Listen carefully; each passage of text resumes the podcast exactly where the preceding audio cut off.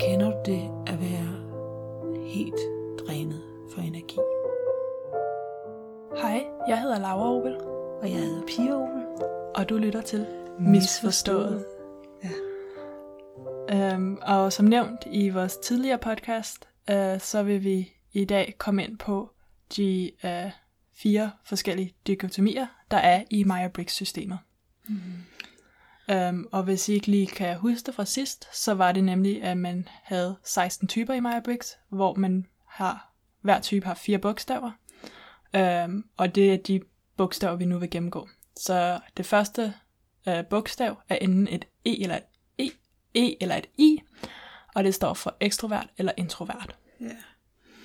Det blev af Jung beskrevet som modsat orienterede psykologiske attityder til at processere stimuli. Jamen, Jung er meget kompliceret at læse, Laura. Ja. Mm. Så i dag der er, vi, altså- der er det egentlig ret, ret accepteret, at der findes introversion og ekstroversion. Ikke?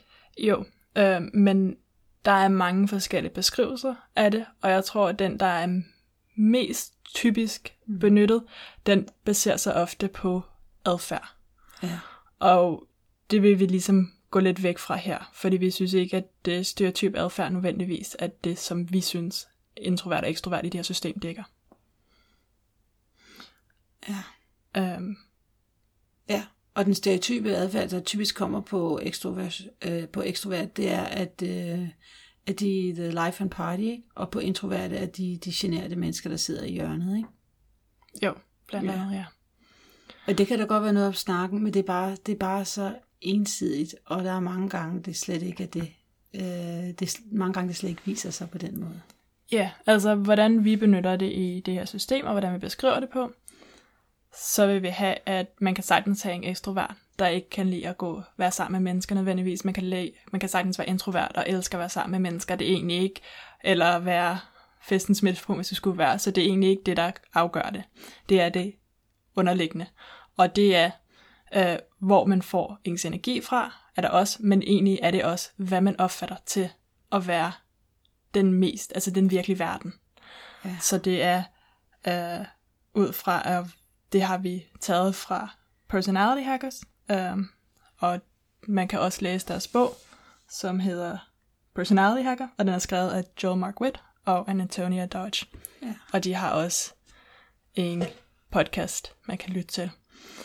Og det med, at det ligesom er hvilken verden er den virkelige verden, kan lyde lidt mystisk, men det er som om, at man har yderverden, og hvis man er ekstrovert, så er det ens foretrukken verden af, hvor man får ligesom ens energi fra, hvor man får stimuli fra, og der skal ske noget, og det er ligesom den verden, som man opfatter som værende, mm. den virkelige verden. Ja.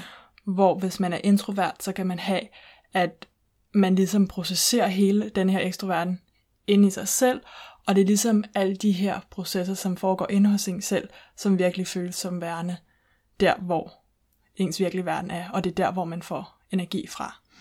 Um, og som sagt, vi har alle begge dele. Man kan ikke kun være i yderverden, man kan ikke kun være i inderverden. Vi interagerer samtidig med begge dele, men det er, hvilken præference har man. Kan man bedst lide at være, eller kan man føle, har man en tendens til at være i yderverden, Ja. og har svært ved at komme ind i indre verden, eller har man en tendens til at godt kunne befinde sig i indre verden, og svære ved at skulle komme ud i yderverden. Og nu er det sådan med den der indre, eller den, øh, når man anser, når man er introvert og anser den virkelige verden for at være den indre verden, så er det sådan, som man har behov for, når man oplever noget i den ydre verden, så har introverte, eller dem, der har introversion, de har behov for at trække sig tilbage og ligesom øh, bearbejde det, der er sket. Så man kan sige, de, øh, sådan så de får de ting, de har oplevet til at passe ind med deres øh, indre, deres billede af den virkelige verden, sådan så de gør det virkeligt. Ja, så hver gang der sker noget i den ydre verden, så skal de lige sørge for, at de får det noteret i dens indre verden, at det stemmer overens. Så de skal ofte processere ting bagefter, de er sket, før man ligesom sørger for, Ja. af det hele. Og Så- derfor kan det også godt være meget drænende at være i yderverden. Fordi det betyder, at man, det kræver energi, som man så skal vende til, altså man skal jo hen og lave ekstra arbejde bagefter, og man skal ligesom vende den energi tilbage, som man ofte får ved at være i ens indre verden. Og der synes jeg jo, at du og jeg, vi er, jo, vi er jo et ret godt eksempel, fordi for eksempel så siger jeg rigtig mange ting her, som jeg bagefter siger, nej, det var ikke rigtigt, selvom det er på podcasten. Og det er fordi, det, jeg er ekstrovert, og det er rigtig let for mig at sige nogle ting, og så rette dem bagefter, fordi jeg hører, jeg har den yderverden er den rigtige verden for mig. Så jeg, jeg føler mig godt hjemme her. Jeg føler ikke, øh, ja, jeg føler mig godt hjemme. Hvor for dig, vil du tale for dig selv som introvert? Ja, altså jeg tror, at der er den her tendens for introverte, at, at når man først har sat noget ud i den ydre verden, så kan man ikke tage det tilbage.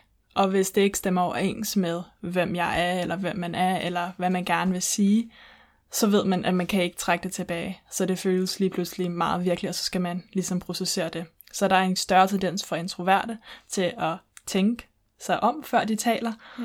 og ekstroverte til at tænke, mens de taler, for de skal have det ud i ydre verden, for at kunne opleve det, for at vide, hvad de egentlig tænker, for at vide, hvad der lyttes, høres, for lyttes, virkelig... for, ja, men for at finde ud af, hvad er rigtigt. Er det det ene eller det andet? Så de har en tendens til at ligesom tale, mens de tænker næsten, eller ja. Eller det, tale før de tænker. helt klart tale før vi tænker. Men det, der kommer, det, der kommer ned til, det er netop, det handler netop om energi. Så det vil sige, for en introvert, hvis de har sagt noget, som ikke, som de skal ud og, og trække tilbage, fordi det ikke var rigtigt, det er bare energidrænende for dem. Så så er det bedre at tænke sig om, inden hvad vi ekstroverter så kunne lære noget af. Men, men øh, så det drejer sig om energi, og så er der også det omkring øh, ekstrovert, som ligesom er introvert, at de efter de oplever noget, skal lige sørge for, at det stemmer over ens med indre men at de også får deres energi for at ja. kunne sidde og processere mm. på hver sin måde, alt efter hvilken type introvert man er. Så er ekstroverte, hvis de i for lang tid ikke får stimuli fra et ydre verden, så kan de også begynde at være, føle sig restløs og kede sig og have brug for at komme ud, fordi at de begynder at kunne mærke, at de egentlig i princippet også ikke får noget energi ind. De har brug for den interaktion med yderverden, ja. på hvilken som helst måde det nu skulle være. Det er ikke nødvendigvis altid mennesker. Det kan være natur eller alt muligt andet. Mm. Men der er en eller anden form for interaktion med yderverden, som giver energien. Mm. Så det, det drejer sig om, det er egentlig bare, hvor vores homebase er. Og jeg tænker, når vi sidder og beskriver det som den virkelige verden, så har jeg, ja, så har jeg talt med folk, der var ekstroverte, som ikke har for, som, når jeg har sagt, vi har talt om den ydre eller indre verden, hvilken verden, der var den virkelig for dem. Så når de har været, jeg har tit oplevet, når folk er ekstroverte, så, så har de sådan, at der findes kun én verden. De, de kan slet ikke forholde sig til, at der skulle være to. At man kunne dele det op på den måde. Hvorimod de fleste introverte, og alt det her, vi taler om lige nu, det er jo tendenser. Der er ikke noget, der er enten eller. Det er jo tendenser. Øh, men de fleste introverte, de, de, de, de ved, hvad man taler om, når man taler om den indre verden. Så, øh, så selvom det kun er tendenser, og det er det virkelig, så er der også nogle ydre indikationer, selvom vi har tidligere sagt, at det er ikke noget, vi vil gå ind i. Men der er nogle ydre indikationer, og det er, at øh, ekstroverte, vi har, en, vi har det meget med at tale for hele gruppen, det vil sige, vi siger vi, og introverte, de taler for sig selv, de siger jeg. Og så er der også noget med lydniveauet. Ekstroverte har en tendens til, tendens, det er kun tendenser til at være lidt mere højt, høj, øh, øh, gestikulerende og højt råbende, fylder lidt mere i den ydre verden, hvor introverte har en tendens til at være lidt mere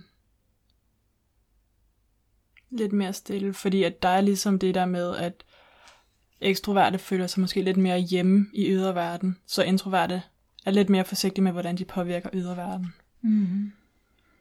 Og nogle gange, og igen tendenser, så kan man også se det på, hvordan der bliver talt. Hvor ekstroverte har en tendens til at åbne munden meget mere, tale meget mere, bruge ansigtet meget mere, og introverte har en tendens til at have mere deres læber en lige streg. De, det er ligesom, de holder igen på sig selv øh, kropsligt. Mm.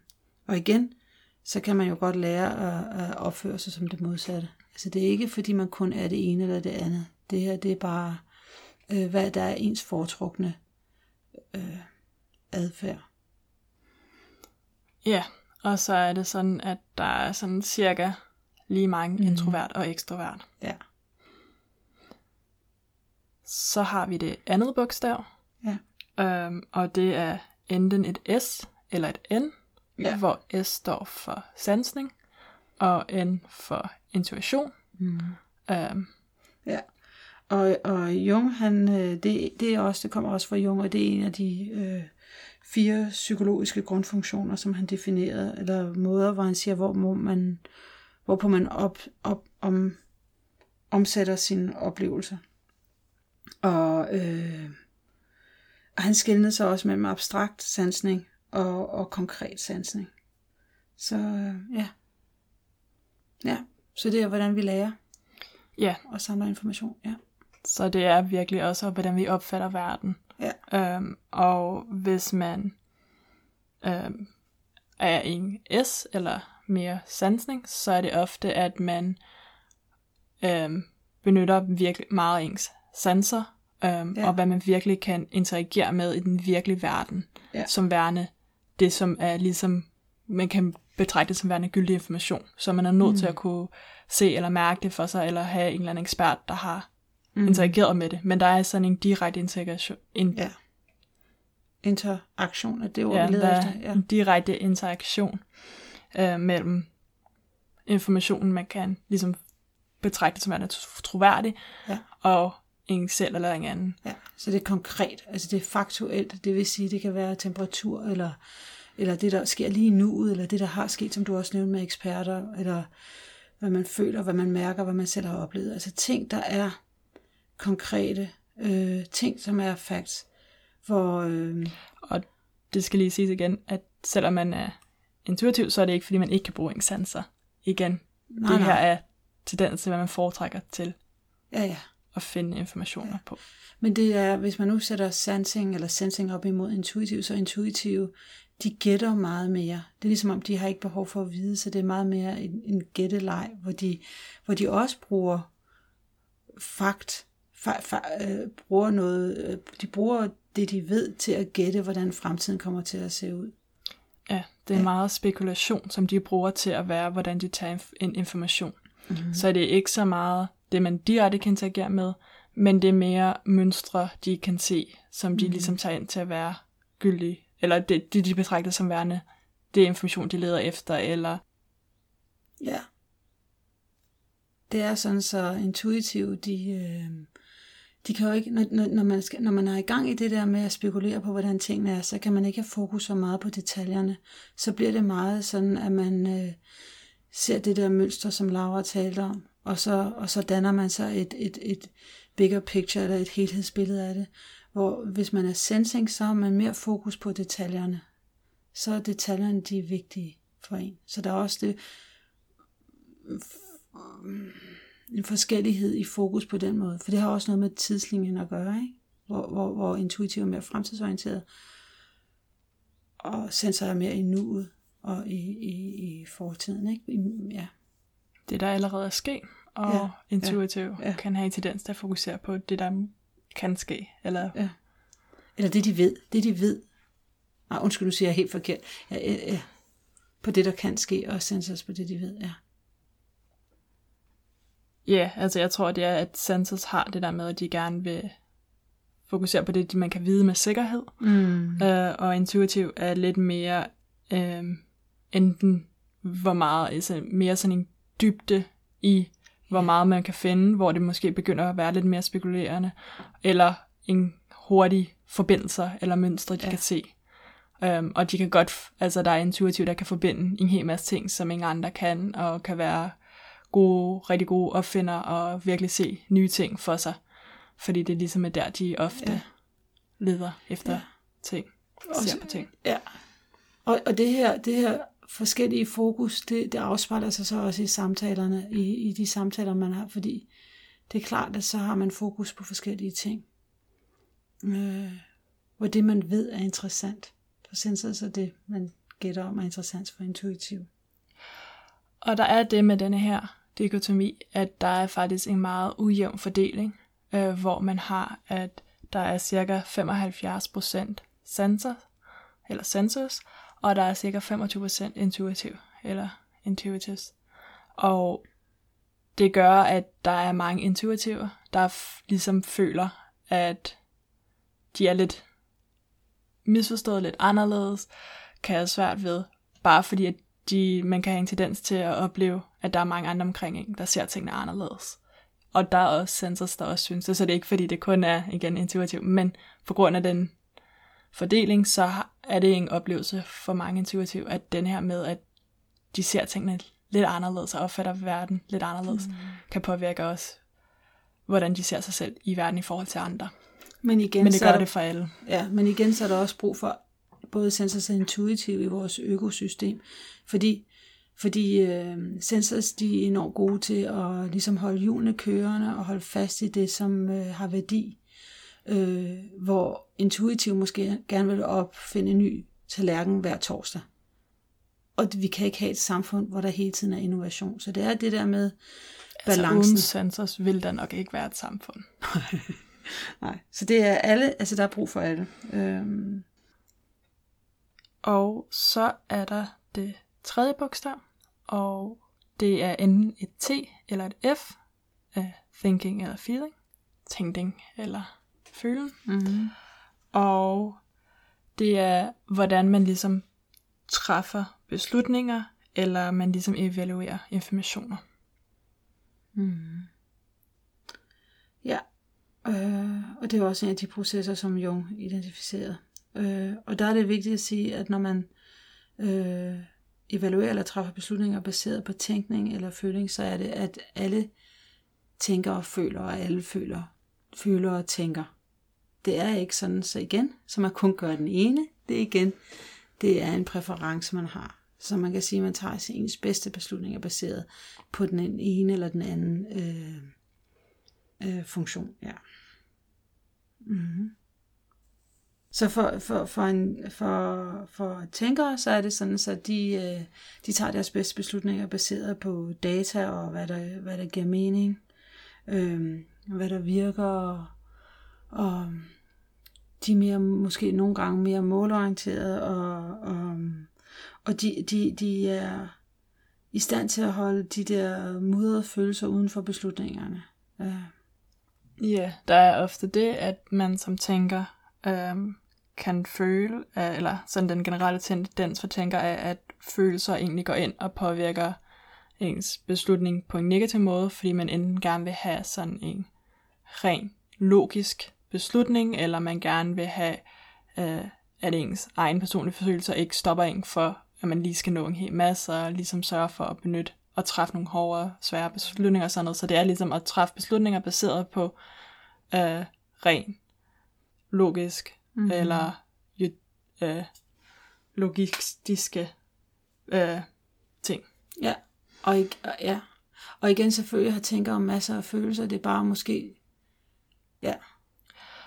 Og hvis man er en føler, så har man mere den tendens, at så er det egentlig ens følelser, værdier og sådan noget, der virkelig er vigtigt, ja. når man træffer en beslutning. Og det er dem, der ligesom gør, at man træffer en god beslutning. Ja. Og det kan også være andre menneskers følelser, og hvordan det kommer til at påvirke andre, der ligesom går ind og virkelig er en ja. vigtig del af ens ja. beslutninger. Og hvordan det føles for en selv. Og nu er det lidt, øh, nu, er det, nu er vi tilfældigvis i en situation, hvor Laura, hun er, hun, hendes foretrækkende, foretrukne beslutningsproces, det er tænkning, og min er føler, og måske kan I egentlig også høre det på vores stemmer, når vi podcaster, at Laura, øh, ja, i min stemme nogle gange er jeg lidt, prøver jeg at være lidt mere indsmirrende, prøver at få jer til at kunne lide mig ved at tale lidt blødere og sødere, lidt mere mm, rytmisk nogle gange, hvor Laura, hun er mere, for hende er det mere, øh, hun bruger ikke følelserne på at smire jer ind, smire sig ind. Det, det er fakta. Det er, når man prøver at lave en overbevisning, eller prøver at fortælle ja. noget, som man gerne vil ligesom at videregive, så er det mere en tendens for at tænke og synes det er mest opbevisende, hvis jeg fjerner alle følelser, så de kan se, at det her er baseret på ren fakta, hvor for fø- øh, folk, der træffer beslutninger med føler, følelserne, som øh, de tænker mere, at det er, at man skal kunne mærke den anden person, og man skal mm. virkelig kunne også, mm. ja, jeg ved ikke, hvad man, man tænker, men det er ligesom mere, at det ligesom også er, at der skal være den her jeg, jeg gør det jo ikke bevidst, men altså det er helt klart, at jeg har, altså man, man spiller på sin, ja, stemme. Du kan også se, man, ja, man kan også se det, hvis man sidder og taler, man føler, at de er meget mere, øh, eller igen, en, der foretrækker at tage beslutninger med følelser, at de er meget mere, de sidder og nikker, og de er meget mere til at skabe en øh, forbindelse, en connection. Altså, det er, det er det, der er det vigtige, det er vores forbindelse med hinanden. Ja. ja, og det kan man også se, at hvis man træffer beslutning med følelsen, så har man en større tendens til at acceptere, at der er nogle informationer og fakta, der måske ikke altid ja. helt stemmer overens, hvor man som tænker vil have en større tendens til og nogle gange at afbryde ens forbindelse med den anden, og ligesom måske endda gøre folk sure på en, fordi at faktaen ikke stemmer overens, og det er man nødt til at gøre folk opmærksom på. Ja. Hvor man som føler godt kan finde på at lægge, endda sætte sin egen følelse til side for at holde en forbindelse kørende med nogle andre. Så det er sådan to ret forskellige måder at, at tage beslutninger på. Ja. ja. Der er 55 procent ja. af befolkningen, der er føler, og 45 procent, der er tænker. Så der er lidt ujævn fordeling. Ja. Og så det fjerde bogstav, det er enten et J eller et P, hvor J'et står for judging, og P'et for perceiving. Mm. Og på dansk, så vil man sige, at J'et er for vurdering, og P'et er for opfattelse. Og denne her dikotomi, den handler, det er ligesom en af de ekstra dikotomier, som øh, Catherine Cook Briggs og Isabel Briggs Myers ligesom tilføjet, når de lavede deres type indikation. Um, og det er egentlig også, det ligger egentlig også underforstået i Jungs kognitive funktioner, men det er omhandler omkring, hvor man foretrækker at have frihed, mm. og hvor man foretrækker at have organisation.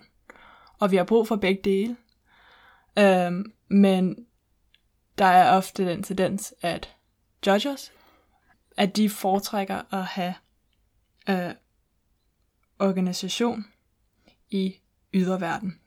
Så der kan være noget tendens til deres adfærd, at der tingene er meget mere organiseret i deres yderverden. Ja. Og det er fordi, de godt kan lide frihed i deres indre verden. De kan mm. godt lide, at der, de ligesom kan lade deres tanker bare køre løs, og ligesom nå hen til alle mulige indsigter og sådan noget, igennem deres tanker. Men det betyder, at hvis de bliver forstyrret fra yderverden, så kan de godt miste den tanke, de havde.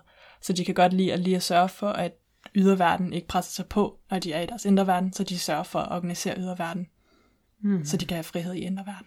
Ja, der er mange judges, der siger, at de tænker bedre, når der er orden i yderverden. Ja. Omvendt er der mange perceivers, som, øh, som, som har øh, orden i den indre verden, og så, har, så, rydder, så roder det lidt med den ydre verden. Øh, og det vil sige, at de er i stand til at, øh, hvis de bliver afbrudt i en tankeproces, så er de i stand til at lige putte den tanke til side og komme tilbage til den senere. Og det er noget, de gør helt ubevidst. Og fordelen ved at kunne øh, have et, en, øh, et, et organiseret indre, det, altså, det er så, at man kan improvisere. At man er fordi man, man, man behøver ikke forberede sig, man kan, man kan turn on a dime. Man kan simpelthen øh, øh, gribe det, der kommer til en i nuet. Øh, men, men, men det er så på bekostning af, at så roder man lidt, eller meget, i yderverden. Så det, der er omkring perceivers, er, at de godt kan lide at have deres frihed i yderverden. De kan godt lide, at de ikke er fastbundet der. Mm. Øhm, og det er også derfor, at de ligesom organiserer deres indre verden. Så de let kan, hvis de lige pludselig skulle have lyst, gå ud og lave et eller andet helt tilfældigt, som overhovedet ikke var aftalt, fordi der lige var nogen, der tilbudte det. Mm. Men at de ikke har brug for... Altså, så det er den her frihed i yderverden til at mm. gøre, hvad de har lyst til at improvisere. Og omvendt så har judges den frihed i den indre verden, hvor de kan gå og explore. Hmm? Og fordeling her er også øh, lidt skævt med cirka 55 procent øh, judges og 45 procent perceivers. Mm. Og hvis vi skulle komme med et hack, så kan I gå ind og se, om I ligesom kan se og placere jer på de fire bogstaver, hvilket en I har størst tendens til, eller hvilket en I foretrækker, for at prøve at finde ud af jeres personlighedstype. Ja. Og, og, og, det skal være, vinge I foretrækker, uanset kontekst. Ja. Så det er ikke, fordi der er mange mennesker, der siger, at jeg er sådan, når jeg er på arbejde, men jeg er sådan, når jeg er derhjemme. Men man skal prøve at komme ud over kontekst og prøve at komme ind og mærke med sig selv, hvad er det for, hvad der er mest, hvad er det, der er mig mest. Mm.